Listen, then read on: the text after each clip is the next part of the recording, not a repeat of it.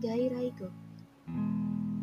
僕はアメリカから日本へ来てもう5年になる。しかし未だに外来語が苦手だ。カタカナの言葉は僕みたいな外国人には簡単だと思っている人がいるがとんでもない。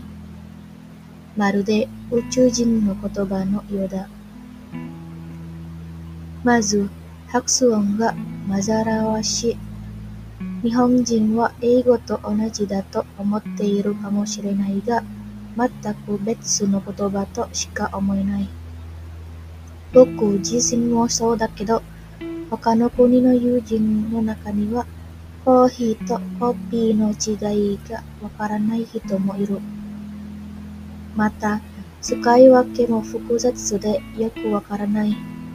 初めて日本へ来た頃、レストランでご飯くださいと言ったら、アイスですねと言われた。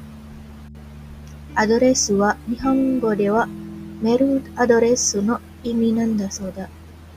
それに、アポとかプレゼンのような言葉になると何が何だかわからない。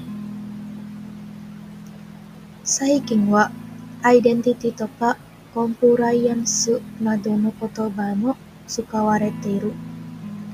日本語でうまく言えないから使われるのかもしれない。しかし、日本語で言えるのに外来語を使うのは問題だ。例えば、よくポリジという人がいるが、考え方とかやり方といった方がずっと正確でわかりやすい場合は多い。もちろん、僕は外来語に100%反対なのではない。誰でも普通に使っているシャツやパソコンなどを今更変える必要はないと思う。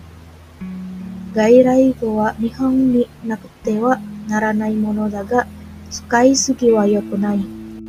Peran Suga Tore ta Sukai katao kanggaena kireba narana hito omou.